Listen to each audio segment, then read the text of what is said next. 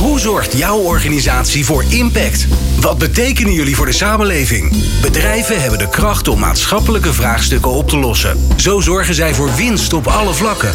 In Impact hoor je leiders en experts over duurzaamheid, MVO, circulaire economie en natuurlijk impact met Glenn van der Burg. Welkom bij Impact. Bijzonder leuk dat je luistert. Ja, ik, ik wilde alweer beginnen met mijn intro, maar we hebben tegenwoordig weer onze eigen hele nieuwe vormgeving met prachtige jingles en alles erbij. Dus ik hoef helemaal niks meer te vertellen. Behalve natuurlijk wat we vandaag gaan doen. Ja, al tien jaar bevolken in september duurzame visionaire ontwerpers, financiers, ondernemers, beleidsmakers, wetenschappers en studenten ter Schelling. Gedurende drie dagen voor het duurzaamheidsfestival Springtij. Vorig jaar was ik er voor het eerst, een unieke ervaring. En dan zit je zomaar ineens in de boot naast Herman Wijfels. Of je dineert met piepjonge, ongelooflijk energieke, duurzame ondernemers. Of je loopt van A naar B door een bos naast de CEO van Renewy. Ja, waarom is springtij na tien jaar nog steeds hard nodig? Wat is er in het verleden al voor elkaar gekomen? En wat staat er allemaal dit jaar centraal? We gaan er over, over in gesprek met Katinka Abbenbroek. Zij is directeur van Springtij onder meer. Want zoals iedereen tegenwoordig doet ze heel veel dingen. Ze is ook nog eens een keer voorzitter van de Alliantie Verduurzaming Voedsel. En gecertificeerd coach duurzaamheid. We bellen halverwege de uitzending ook nog met Reinoud Wissenburg, manager Strategic Sustainability bij ProRail. En wil je nou de nieuwste afleveringen van Impact via WhatsApp? Sla ons nummer dan op onder je contactpersonen 06 45 66 75 48. Stuur ons een berichtje met je naam en Impact aan. Dan sturen we de nieuwste afleveringen direct zodra ze online staan. En het leuke is, dan kun je ons ook reacties geven, tips geven, vragen stellen. Je kunt jezelf uitnodigen in de uitzending. Kortom, het is gewoon heel handig als je dat doet. Fijn dat je luistert naar Impact en fijn dat jij er bent, Katinka. Nou, heel fijn om in de uit, uh, uitzending te mogen komen. En uh, zeker zo vlak voor springtij. Het weer dat je er tijd voor hebt. Het weer wordt fantastisch. Ik, voor jou heb ik altijd tijd. Hè? Want dat is wel heel lief. Nee, ja. uh, we zijn heel blij dat het dit jaar met een kleinere groep, maar dat we toch fysiek op het eiland kunnen zijn. En we gaan helemaal gebruik maken van alle ruimte die daar is en het terrein van Staatsbosbeheer bevolken met mensen die een grote passie hebben voor duurzaamheid. Ja, ja, en wat, wel, wat ik wel interessant vind, want ik had het laatst met iemand over en die zei: Oh ja, dat is de bijeenkomst van de Groene Kerk. En dan komen alle duurzaamheidsgekkies bij elkaar. Maar dat is al lang niet meer zo, hè? Want uh, ik liep er rond, nou je komt van alles en nog wat tegen. Alle smaken en kleuren mensen, van, uh, van uh, grote bazen van bedrijven tot ja, inderdaad ongelooflijk duurzame jonge mensen die gave initiatieven hebben ja, duurzaamheidsgekkies. Ik denk dat tegenwoordig iedereen een duurzaamheidsgekkie moet zijn. Ja, dat zijn we voorbij, hè, eh, gelukkig. Jij, jij, bent, jij bent er ook. Dus, ik ben er ook, ik ben ook. En ik ben ook een duurzaamheidsgekkie. Uh, kijk, wat het is, is dat tegenwoordig uh, alle grote financiers, de grote banken, de ministeries. Kijk, duurzaamheid is natuurlijk eigenlijk als woord niet eens meer nodig. We moeten met z'n allen werken aan hoe we omgaan met ons land, hoe we omgaan met biodiversiteit. Maar ook hoe we omgaan met mensen, dat is ook duurzaamheid. En dat, dat is helemaal vervlochten in springtij. Als je kijkt naar, naar toen we meer dan tien jaar geleden, dat is de elfde editie, toen was het woord duurzaamheid was er nog niet. Klimaat, dat was geen issue. Niemand had het erover. Ik heb biologie gestudeerd en in mijn studie is dit nooit ter sprake gekomen. Dus uh, we hadden een lange weg te gaan en op dat moment was het nodig om echt te zeggen, jongens, er is urgency. En dan gingen we de barricades op en dan vertelden we wat er aankwam. Dat is nu niet meer nodig. Nee. Iedereen weet wat er aan de hand is. Er zijn technisch gezien enorm veel oplossingen. Nou moeten we het gaan doen. En dat is de energie. Is dat dan ook waar het over gaat? Hè? Want uh, uh, vaak wordt er nog steeds verteld waarom het allemaal belangrijk is. Zijn we daar ondertussen wel voorbij? Kunnen we nu gewoon zeggen, we weten wat de opgave is? Eigenlijk is, nou ja, je hebt zo'n marketingcurve waarbij ze zeggen, nou, als je. Er zijn er altijd een paar die, uh, die, bellen nu nog steeds met een vaste telefoon thuis. Maar ja, die komen over twintig jaar wel eens een keer. Maar eigenlijk kun je wel gewoon zeggen, 80, 90 procent van iedereen in Nederland weet dat het moet gebeuren. Ja, ik, ik denk dat je zeker als je zegt 80 procent is zich heel bewust en maakt zich zorgen over zowel klimaat, over biodiversiteit, maar ook gewoon over water of uh, over frisse lucht voor zijn kinderen. Um, dus dat, dat is een grote zorg. Ja. Dat wil niet zeggen dat mensen zich er altijd naar handelen, maar dat komt door heel veel andere oorzaken. Ja. Um, het is zeker uh, gerelateerd aan gezondheid, maar ook in naar uh, toekomstig leven en toekomstige werk. En wat is er dan nog voor de kinderen? Dat zit er diep in. Zou je eigenlijk moeten zeggen, het springtij is een, een, plek waar mensen bij elkaar komen en die samen met elkaar gaan bedenken hoe, hoe Nederland eruit gaat zien? En dat het dus, dat hele woord duurzaamheid moet er misschien maar vanaf. Dat hele woord duurzaamheid moet er vanaf. Dus nu hebben wij samen besloten dat we dat niet meer gaan noemen. Dus ik ga in de hele uitzending niet meer het woord noemen. Ja, okay. En dan, uh, dus ik ben het daar helemaal mee eens. Uh, het is zoals je normaal, als je een business start, kijk je ook naar financiën. En zoals je een business start, moet je ook naar ehm, kijken hoe je omgaat met je resources, met het land, met het water, met je mensen. Dat is gewoon een normale manier om met elkaar om te gaan. Ja. En daar willen wij naartoe. Het is natuurlijk niet helemaal over de hele wereld zo, zoals wij het hier hebben. Ehm, maar met de Green Deal ook van Frans Timmermans in Europa gaan we dat met Europa gaan we daar wel naartoe. En we hebben dan, ja, het moet toch genoemd worden, die coronacrisis die er doorheen komt. Aan de ene kant vind ik het uh, ja, een, een, een, een mooi moment dat de economie stopt en dat we allemaal weer even moeten resetten. En dat geeft ons kansen. We merken ook dat, daar, eh, dat er enorm veel aandacht is voor springtij. Aan de andere kant is het natuurlijk als mensen in een moeilijke situatie zitten, denk aan je baan. Ja, dan is het natuurlijk niet het eerste waar je aan denkt van hoe ga ik aan duurzaamheid werken. En dat is gewoon super jammer. Nee, maar als we het omdraaien, hè, want uh, uh, vanochtend hadden we een aflevering van Groene Groeiers, wat overigens ook een heel leuk programma is. over de ondernemerskansen van dat woord wat we niet meer zouden gebruiken, van duurzaamheid. Um, en daar merk je ook in dat ja, ja corona zorgt, er nu voor dat er, dat er mensen totaal zonder dat ze invloed hebben gehad, zonder baan komen te zitten, wat ongelooflijk verdrietig is. En um, vervolgens uh, is natuurlijk heel veel uh, gesprekken over, oké, laten we dan nu alle steunmaatregelen, alles wat we doen, gelijk in het teken van duurzaamheid doen. En daar is dan, dan weerstand tegen. Terwijl ik denk, nee, daar liggen juist de kansen daar ligt de nieuwe economie, daar liggen de kansen om de energievoorziening uh, te vergroenen. Om daar weer, ook als Nederland, weer versnellingen aan te brengen. Zodat we daar weer meer van leren, zodat we dat weer kunnen exporteren, nou, enzovoort, enzovoort. Ja, ik, ik spreek met veel mensen in de politiek, uh, maar ook uh, CEO's van bedrijven. En er zijn eigenlijk twee primaire reacties die mensen hebben. De eerste reactie is alles afsnijden alleen maar back to business. Hoe kan ik winst optimaliseren en omzet vergroten? Hoe kan ik uh, dat optimaliseren? Dat is één reactie en dat is een soort basisinstinct wat heel snel voorbij komt. En dan is er een hele grote groep die denkt, ja, we zitten nu toch in een rommelige tijd. Ik moet gaan herorganiseren. Ik moet weer een nieuwe kansen gaan kijken. Ik ga naar de toekomst en die toekomst is maar één toekomst. Dat is waar we op een mooie manier samen kunnen leven op dat hele kleine stukje land. Hè? Want Nederland, een kleine delta, super dicht bevolkt, heel mooi landje, maar daar moeten we het wel mee doen. En die tweede groep, uh, die, die is eerst bang, maar daarna zien ze mogelijkheden. En de eerste groep blijft veel in zijn angst zitten. Ja, en daar, daar, zitten, daar zijn wij op aan het werk om te kijken of we daar kansen kunnen creëren. En hetzelfde gebeurt met bepaalde politieke partijen of met politici. Um, sommigen zijn echt visionair en die, die steken hun nek uit. En anderen proberen het toch uh, ja, makkelijk te houden. Maar het wordt gewoon niet makkelijker. Dit is het. Laten we kort terugkijken, want ik vind zelf dat dat te weinig gebeurt. Dat we te veel vooruit aan het kijken zijn naar wat we allemaal nog moeten doen. Maar laten we ook kort terugkijken naar wat we allemaal voor elkaar hebben gekregen. Want er is natuurlijk heel veel veranderd. Ik had het er vanochtend met uh, Jan-Peter Balkenhende over in de uitzending. En, die, en wij hadden ook zoiets van ja, tien jaar geleden uh, uh, kon het niet zo zijn dat er 250 bedrijven met multinationals tegen de overheid zeiden. Alsjeblieft, gebruik je steunmaatregelen om ook te verduurzamen. Dat was tien jaar geleden ondenkbaar. Dan hadden ze juist de kont tegen de krip gegooid. En nu zeggen, spreken ze zich uit voor dat toepassen. Dus laten we heel kort terugkijken. Geef jij eens een mega korte schets als je tien jaar terugkijkt naar nu en zegt van nou, wat is er nou, wat is nou het belangrijkste wat er gebeurd is? Ah, wat een mooie uitdaging. Dus wat ik altijd zeg, achterwaarts leren en voorwaarts dan gaan handelen. Dus als ik uh, terugkijk, tien jaar geleden uh, was uh, de uitstoot van CO2 geen, uh, geen probleem.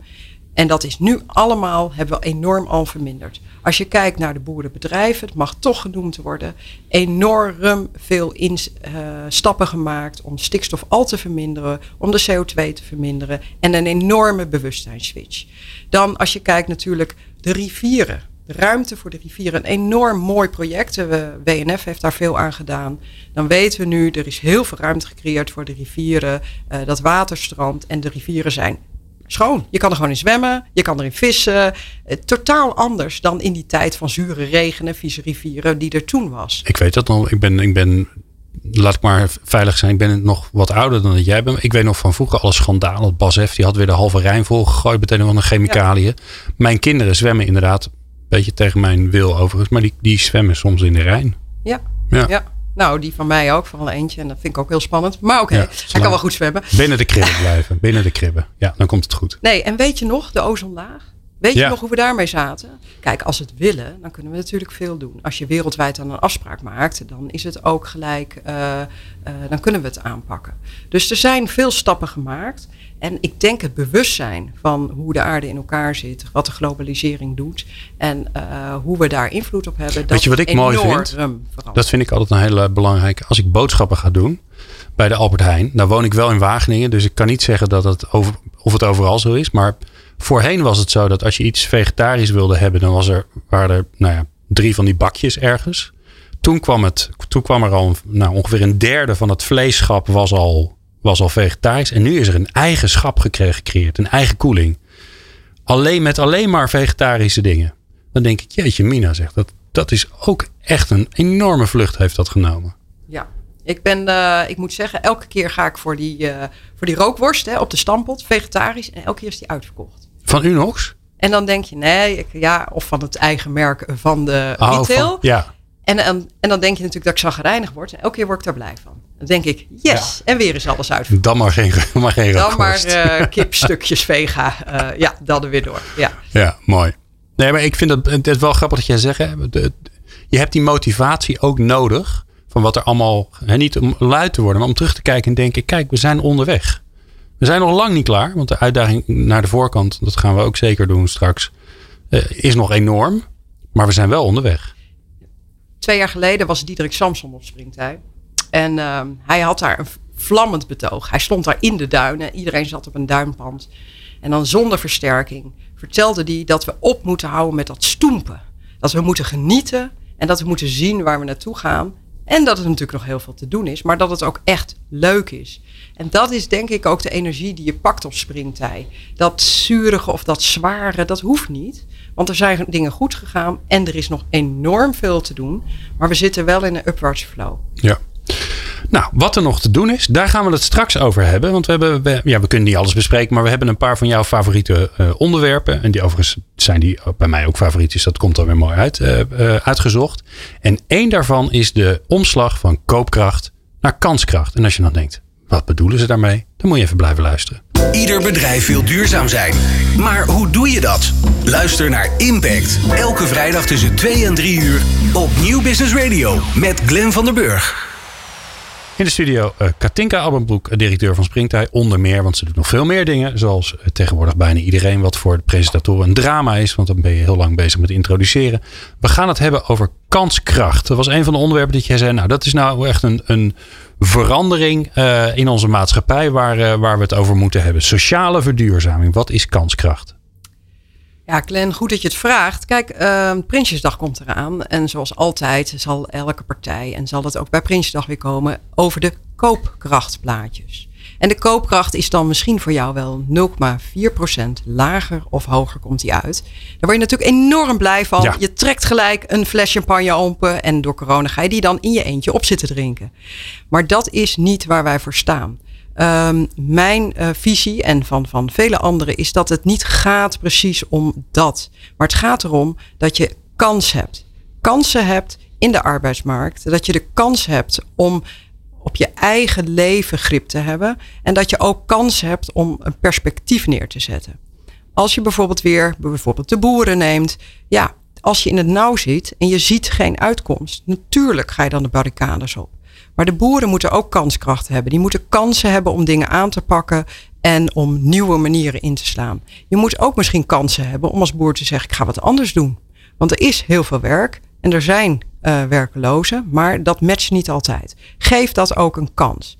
Dus um, de hele, het hele idee van we gaan op geld zitten, daar zijn we niet meer van. Niet meer op het bruto nationaal product. Um, maar veel meer op de brede welvaart. En veel meer mensen in hun kracht zetten. Dan is het ook leuker. dan geniet je meer, dan heb je een fijne leven. En dan zit je ook daar en dan zie je gewoon iemand ook makkelijker migreren, zeg maar, uh, door, door het zijn hele werkende leven heen. Dus uh, dat gaat eigenlijk over, eigenlijk zou je kunnen zeggen, het is een soort, ga ik toch de vergelijking maken, een soort toekomstige koopkracht. In hoeverre kun je nou je eigen leven zo vormgeven dat je de, de, de mogelijkheden hebt om er wat van te maken? En of dat nou financieel wordt of niet, dat is natuurlijk eigenlijk totaal niet relevant. Voor heel veel mensen overigens wel. Um, maar het gaat meer over de toekomst. Welke ruimte heb je om je leven vorm te geven zoals jij denkt dat dat goed is? Ja, hoe sta je in de kracht van, je, van jezelf? Hoe voel je kracht en ben je niet, ben je niet constant angstig, constant afhankelijk? Wat jezelf ook een, een, een naar gevoel geeft. En als je iemand vraagt die aan het einde van zijn leven is, dan zegt hij nooit: had ik maar meer koopkracht. Daar word je niet per se gelukkiger van. Dat is een illusie die we samen hebben gecreëerd. Ja. Dat is niet zo. De, dat je in je eigen kracht staat en grip hebt op je eigen leven, dat is belangrijk. Dan heb je ook iets uit te stralen en te doen met je kinderen. Dan kan je een voorbeeld zijn. En natuurlijk, als je geen geld hebt, dat is echt een groot probleem. Maar als je die kans krijgt om dan wel weer iets op te pakken, dan heb je ook weer de energie om voorwaarts te gaan. Dus daar willen we veel meer op aansturen. En dat gaat ook niet vanzelf. Hè. Er is ook wel oh, interventie en, en, veel, veel scholing en mogelijkheden en netwerken is daarvoor nodig. Maar als we ons daarop richten, komt het wel beter. Komt het beter? Die is mooi. Dat is toch anders dan goed. Ja. ja um, heb je een voorbeeld waarvan je denkt, hé, hey, daar gebeurt het. Dat is nou precies waar ik blij van word, waarbij ik denk, ja, dat, dat gaat over kanskracht. Ja, je weet dat ik uh, heel veel werk uh, in, de, in de voedselketen. Dus, uh, maar is ook mijn, heel herkenbaar mijn, voor iedereen, dus mijn, dat is fijn. Um, ik, ik sprak Tineke en Tineke is een, um, is een boer in Almere. En um, ik had haar opgebeld en zij had de boerentroonrede uitgesproken. Vond ik geniaal. Dus ik denk, dit is iemand die ik in mijn beperkte uitzending, mijn webinar wil hebben. En zij vertelde en zij zegt van, weet je, Katinka, ik vind het heerlijk boer zijn. Ik zie alleen maar blije boeren om me heen. Ik ben biologisch. De ene keer gaat het sneller, de andere keer langzamer. Maar ik heb net mijn eigen winkeltje geopend. Ik werk dus actief aan de korte keten. En daar komen 15, 20 mensen. Ik ontmoet leuke mensen. En we gaan ook weer verder met een ander initiatief op het gebied van zorg. En de mensen soms komen hier helpen met oogsten ik heb het gewoon heel erg naar mijn zin. En ik heb die kans gewoon gegrepen om, om anders erin te gaan zitten. En ik ben veel gelukkiger. En zij zei ook van als je die kans hebt en je voelt die kracht om dat te doen, dan heb je meer mogelijkheden. Dus ik, ik was heel blij van deze persoon. En het was ook een heel blij persoon. Uh, en het heel anders dan mensen die zich constant in een hoek geduwd voelen. Dus dat is een van de voorbeelden die ik uh, afgelopen week heb gesproken. En jouw, jouw, jouw uh, ik wou zeggen aanname, maar jouw visie is dat stel je voor dat er meer kanskracht zou zijn. Dat heel veel van de protesten die we nu hebben, onder meer natuurlijk van de boeren, want die opvallend zijn, want die hebben trekkers, dus die vallen lekker op. Maar we hadden hier laatst ook de kermisklanten voor de deur staan. Oh, of de kermisexploitanten moet ik natuurlijk zeggen. Die hebben ook overigens vrachtwagens en dingen waar ze heel veel dingen mee klem kunnen zetten. Maar was dat met of zonder de botsautootjes dat ze hier stonden? Uh, volgens mij met botsauto's, ja. Maar dan niet uitgepakt helaas. Dus we konden er niet in. maar um, uh, jouw visie is dus, als er meer kans, kanskracht is, dan zul je meer initiatief zien en minder protest. Nou, ik ben niet per se tegen protest als protest echt, uh, als je ergens voor wil staan en je vindt dat het niet doorkomt, ja. dan, uh, dan kan je op uh, ludieke, zeker ludieke protesten vind ik heel grappig. Als je met je blote kont weer in de, in de, in de vijver springt bij het, bij het torentje. Dat vond ik een grappige actie. Maar um, protesten, daar, dat is het niet per se. Maar je werkt wel meer aan het geluk van mensen. En je, merkt, je werkt ook weer aan een positievere energie. En wij denken constant, en daar is met dat bruto nationaal product, ik kan het niet nog een keer zeggen, we moeten echt mee stoppen. En met die koopkrachtplaatjes denken we dat we dat kunnen kopen. En dat we met een paar procenten mensen in dat geluk krijgen. Maar dat is niet zo. De angst voor je baanverlies neemt echt niet af als je nu een paar procenten erbij neemt. Het neemt wel af als je ziet dat wat jij kan, dat er interesse voor is. Als je ziet dat je ook niet constant bij één werkgever hoeft te blijven, maar dat je je vrij voelt om te gaan als het tijd is. Daar word je gelukkig van. Is dit een onderwerp waar we het over gaan hebben op Springtij? Zeker. Wat, uh, wat uh, hoop je dat eruit gaat komen? Want het idee is dat er dingen uit gaan komen waarmee we de politiek gaan helpen om dat gezellig in een uh, verkiezingsprogramma te zetten, toch? Ja. Dus wij geven gevraagd en ongevraagd advies aan de politiek. En um, wat wij uh, gaan doen op Springtij, we schrijven na Springtij een manifest.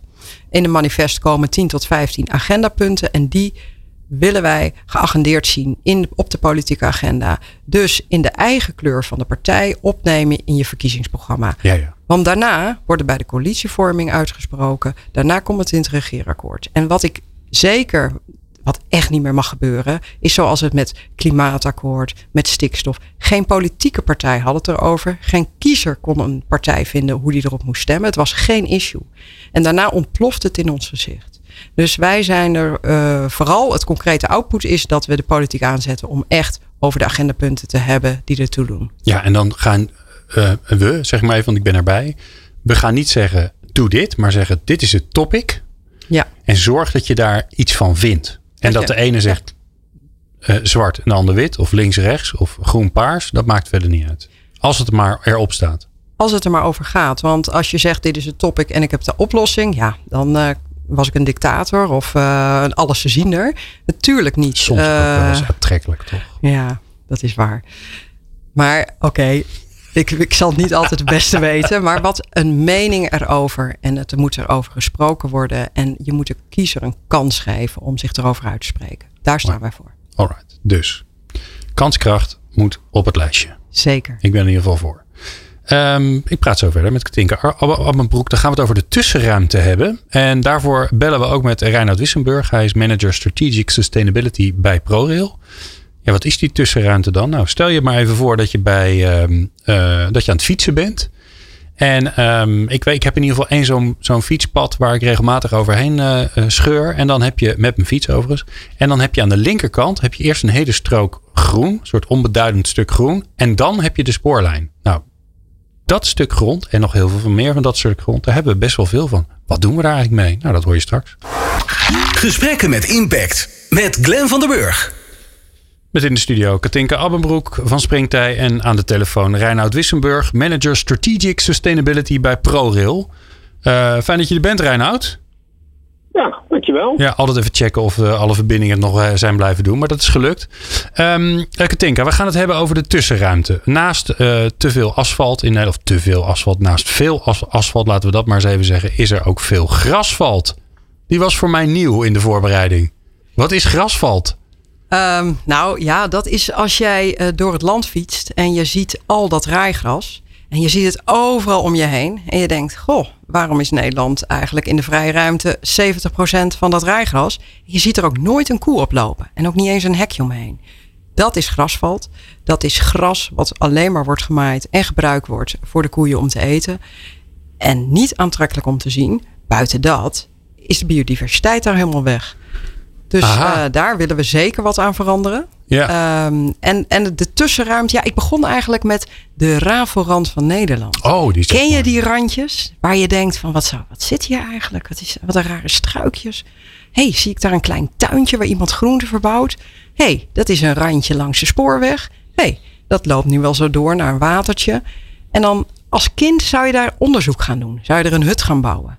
Nou, dat is de rafelrand. De rafelrand, kleine bedrijfjes, dingen die opgestart worden, een herenboer, een, een, een agrariër die met natuurinclusieve landbouw werkt. Het zijn kleine stukjes, een beetje zo aan elkaar geplakt. Het is niet de Natura 2000, niet de agrarische industrie.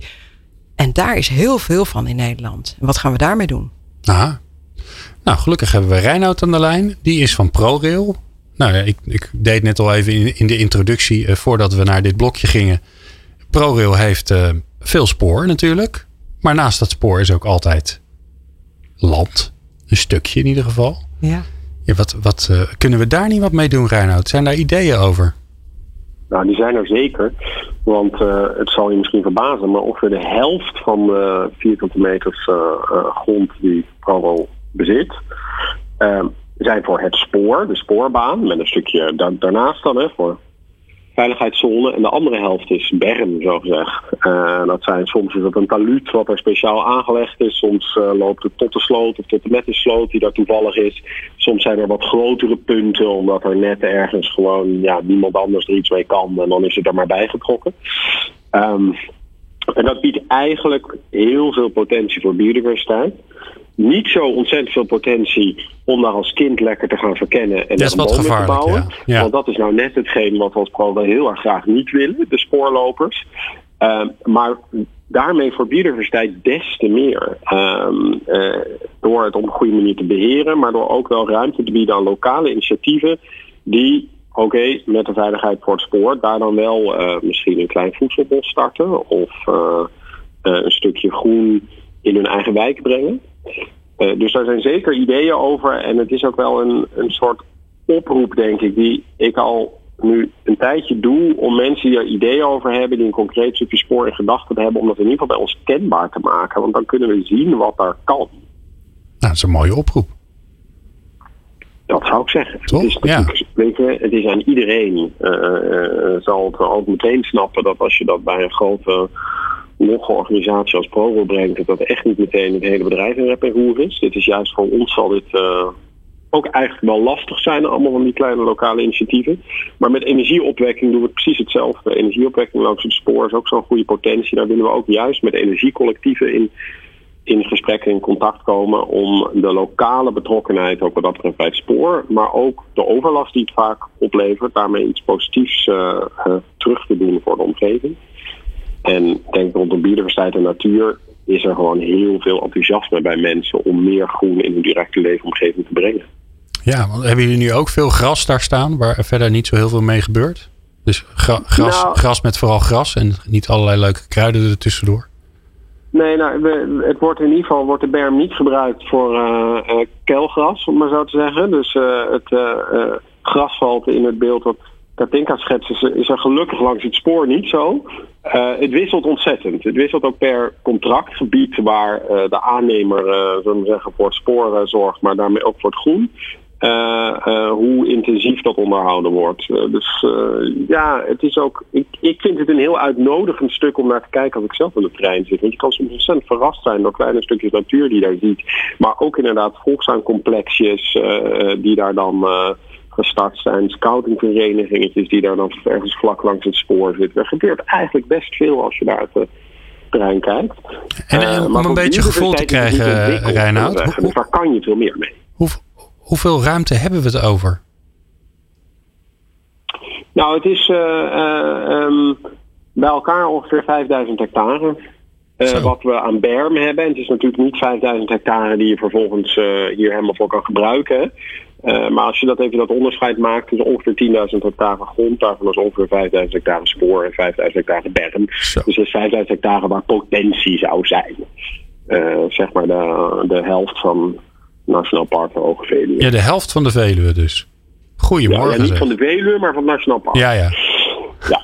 Ja, dus dat, dus dat, is, dat is meer als beeld. Hè. Dus dat is echt best veel als je dat allemaal bij elkaar optelt. En de lol is dat het echt een groen netwerk is door het land. Hè. Het zijn ook je kan, ja, als je het tekent of op een kaart ziet, het zijn assen die eigenlijk het groen de stad in kunnen brengen. Als je langs het spoor dat, dat, uh, dat groen koestert, dan breng je het tot in het hart van de stad vaak. Dat is mooi zeg. Ja. ja.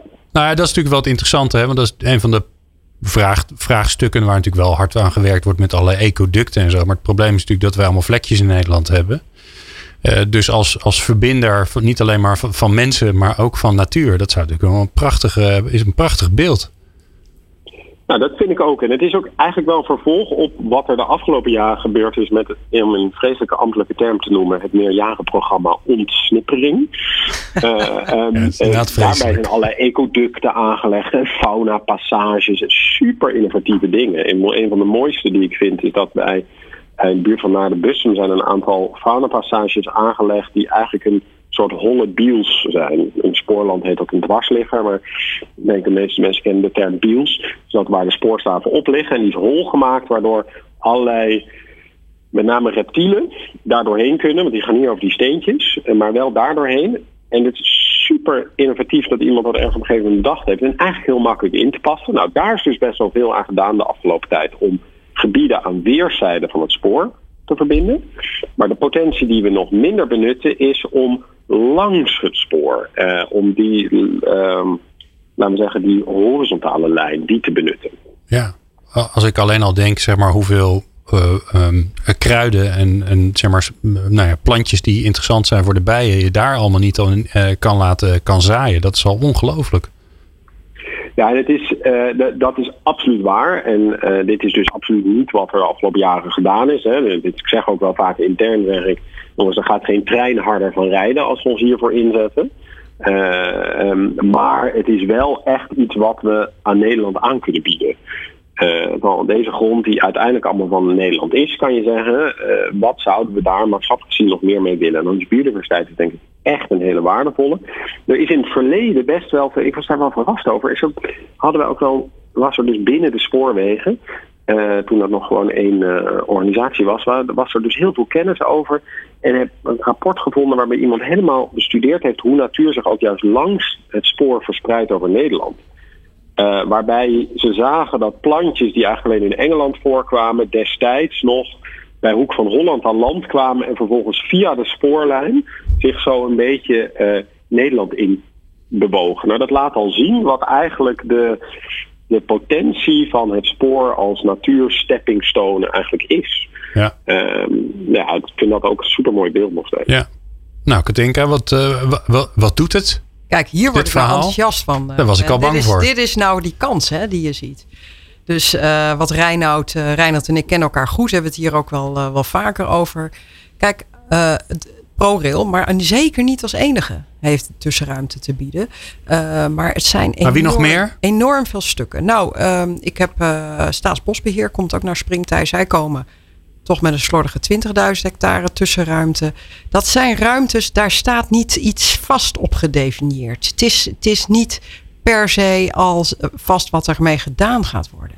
En dat kunnen we dus ook inzetten om daar natuurlijk een stukje ja, recreatie, een stukje en altijd ook om die Rijkswaterstaat. Rijkswaterstaat. Alle snelwegen, daar zit natuurlijk ook heel veel ja, omheen. Ja, moet, je, moet je ook geen kinderen laten spelen, maar ja. Ja, ja.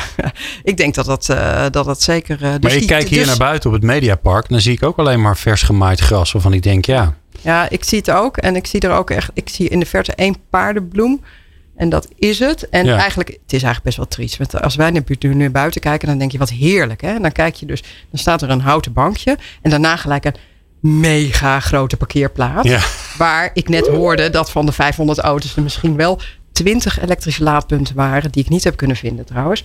Dus uh, en daarna een paar flats die, ja, ik weet niet, een beetje slecht onderhouden of zijn ze gewoon nee, zo natuur, zwart geworden? Nee, sorry, is natuursteen, maar dat, ja, natuursteen, dat wordt vanzelf dat, vies. Uh, dat wordt vies. Ja. Dus uh, nee, dat is, dat is een heel klein tussenruimtetje. En ehm, als we nou met ons allen daar meer aan gaan werken, dus met ProRail, hè, maar ook inderdaad Rijkswaterstaat, ook met Staatsbosbeheer, en een aantal mooie burgerinitiatieven, wat grotere initiatieven erop zetten. Natuurlijk zijn er ook uh, NGO's die daarmee aan de slag kunnen. Ja, dan wordt Nederland echt een stuk mooier. Ik word er heel vrolijk van. Uh, dus ik dank jou zeer, uh, Reinoud. En volgens mij zie ik jou op springtij. Want daar ga je naartoe. Ik heb er zin in. Ja, helemaal top. met Katinka praten we zo verder. En dan gaan we het nog over ja, een, een ingewikkeld, maar zeer belangrijk onderwerp hebben. Namelijk eerlijke prijzen. Dat hoor je zo. Wat is jouw impact? Met Glenn van der Burg. Katinka Albenbroek in de studio, directeur Springtij. Um, nou, we hebben al mooie onderwerpen gehad. We hebben kanskracht gehad. We hebben de tussenruimte gehad. De rafelrand van Nederland. De kleine stukjes van wat doen we daar eigenlijk mee. En uh, ja, als laatste maar even, een, uh, maar even een klein onderwerpje. Waar we ook het minste tijd voor hebben. Dus dat altijd, komt altijd mooi uit. Eerlijke prijzen. De vervuiler betaalt. Nou, of we dat ook nog even kunnen oplossen. Tinka. Glenn, uh, ik heb het niet over eerlijke prijzen. Want wat jij eerlijk vindt, vind ik niet eerlijk. Dus naar mijn idee is dat niet het onderwerp. Werkelijke oh. prijzen. Dat is waar we het over willen hebben. Want wat zit er nou in een prijs en wat niet? Kijk, als jij iets maakt en je produceert veel afval en je gooit het hier op straat en je vraagt dan aan het hele mediapark om mee te betalen om het op te ruimen, dan zeg je natuurlijk ook: Toedeledokie. die vervuiler die ruimt het maar op. Ja. En het gekke is, als het gaat om CO2, als het gaat om stikstof, als het gaat om vervuiling in het water, als het gaat om biodiversiteit die echt vermindert, dan doen we dat niet. Nou, voor mij is dat gewoon onbegrijpelijk. Dus dit is iets wat wij, we noemen dat een systeemfout. We zouden dat echt moeten herstellen. En wie kan dat doen? Nou, overheid is een hele belangrijke. De overheid, De daar is die overheid, daar is die. Ja. Politiek. Ehm, kijk, als je het over werkelijke prijzen hebt, dan zou je moeten zeggen: gewoon wat je gebruikt, daar moet je voor betalen. En we zijn natuurlijk al een grote stap aan het maken over Maar- CO2. Maar we gaan hem even heel concreet maken. Want Ja. we hebben nog maar weinig tijd dit Ja. uur. Dus we gaan hem heel concreet Heel maken. concreet. De overheid. Wij zitten in een mondiale wereld. Waarbij iedereen en alles met elkaar verbonden is. Waarbij we concurreren op de wereldmarkt. Bla bla bla, bla. Nou, dat zorgt ervoor dat heel veel dingen ingewikkeld zijn. Wat kun je wel morgen doen? Wat kun je morgen veranderen? Zodat die werkelijke prijs daadwerkelijk doorberekend wordt. En dus we met z'n allen andere keuzes gaan maken. Nou, wat je kan doen is als je als producent, bijvoorbeeld ehm, eh, als boer, je gebruikt pesticiden, het komt in drinkwater en het kost het drinkwaterbedrijf heel veel geld om het eruit te halen. Betalen wij allemaal, dan betaal jij dan. Als jij zo nodig eh, stikstof dus naar de buren op het gooit, gebruik van gewasbeschermingsmiddelen die eh, eh, invloed hebben op ons grondwater. Ja, precies. Als jij ehm, eh, een heleboel shit op je land gooit en de, sti- de stikstof gaat. Ja, dat is het hè? ook. Ja. De shit komt ook bij de buren. Ja, dan zou ik zeggen, die buren willen dat opruimen. Dat is nou toevallig staatsbosbeheer of iemand moet allemaal afgestoken worden. Ja, dan moet je daar gewoon voor betalen. Ik vind dat een hele normale stap en die kunnen we zo implementeren. Oké, dus, in, dus niet zeggen, we- we- je moet minder stikstof uitstoten. Gewoon zeggen, je mag voor mij wel stikstof uitstoten. Maar dan moet je gewoon voor betalen. Want iemand anders moet Ja. dat weer opruimen. Ja, de gedachte zit er wel achter dat als het geld kost, dat het ook de moeite levert om het niet te doen. Nee, maar dat, en dat, dat gaat er dan gebeuren. zo, maar zo zitten wij wel in elkaar in Ja, Nederland. maar wat ook belangrijk is, die prijs, die boer die rekent dat door. Dus dat betekent als je in de supermarkt iets koopt, dan is het product wat vervuilender is, is gewoon duurder. En als consument kan je dan ook betere keuzes maken. En dan krijgen we werkelijke verandering. Eigenlijk zetten we de normale economie, hè, de economie zoals die nu functioneert, in om die verduurzaming te helpen. Oké. Het de, de twee gehad. Dus we doen de, de, nee, drie al. Eh, Stikstof. CO2 wordt wat lastiger misschien, of niet? Nou, ik denk dat in Europa de CO2-tax het snelste eruit doorkomt. Dus in dat Die komt volgens mij ook, toch? Ja, die Al komt is er het al door. Dat is, dat is duidelijk van, als jij een beetje mijn lucht zit te vervuilen, en, eh, dan moet je daarvoor betalen. Want dan ga ik bomen planten en die halen dat er dan weer uit. Heel simpel principe. Tuurlijk is het moeilijk om te Moet implementeren. het dan ook andersom? Hè? Want enerzijds zeg je dus de vervuiler betaalt. Maar eh, de, de, eh, hebben we daar een naam voor? De verschoner, de opruimer krijgt dan? Ecologisch positieve producten. Die dragen iets bij. Dus jij koopt iets, iets een lekkere aardappels of je appels. En dan draag je ook nog iets bij. Ja. Ja, ehm, er zijn zeker een heleboel eh, organisaties die daar eh, aan werken. En ehm, ja, zouden die goedkoper moeten zijn? Misschien wel. Ja. Gebouwen die CO2 absorberen, die heb je volgens mij al. Ja. Sterker nog, dan, dat zou er misschien zelfs ook voor kan zorgen dat, eh, dat beton wat duurder wordt en hout wat goedkoper. Dat is zeker sowieso een goed. Wat Dus je dan? biobased bouwen, dat zou dan... Dat Kijk, soort dan hefbomen krijg je dan? Ja, dan krijg je de hefboom. Dan betekent wat nu. Kijk, nu is het gewoon. Het rendeert niet goed als je heel duurzaam produceert. Want de kosten hoef je niet op je te nemen. Als die kosten wel op je moet, dan hebben die, die positieve mensen, die positieve bouwers met, eh, met de biobased bouwen, die krijgen echt een, eh, een, een push. En ehm, dan gaat het zeker een stuk beter. En weet je wat het is? Dan denk je, ach, dan moet die consument meer betalen. Maar betaal het nu ook met z'n allen. Natuurlijk. Ja, ja. Het wordt toch al opgeruimd. Het zit nu in de belastingen. Het ja, zit in, maar of- laat het maar gewoon kijken in welk product het zit. En als het nu niet betaald wordt, dan weten we wie de rekening gaat betalen. Dat, Dat zijn, zijn de onze kinderen. kinderen, ja. dat is de Ja, dus de vraag is of je dat wil. Nou, kijk, ehm, ik denk dat wij, als we moreel kijken, kunnen we niet die hele aarde als een, als een prutje, als een afvalhoopje achterlaten voor de volgende generaties en zeggen: zoek het maar uit.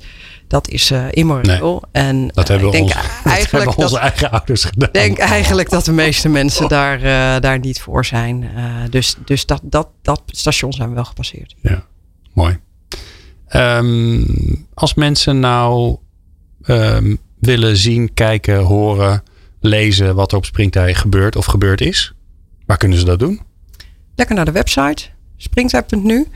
Uh, daar staat het hele programma op. Ook online kunnen we lekker aanpassen als er nog leuke dingen bij komen. We hebben een heel groot deel uh, hebben we ook webinars. Uh, we hebben uitzendingen van uh, Café. En natuurlijk jouw podcast, laat ik ze niet vergeten. Ja. Dus heel belangrijk, alle interviews.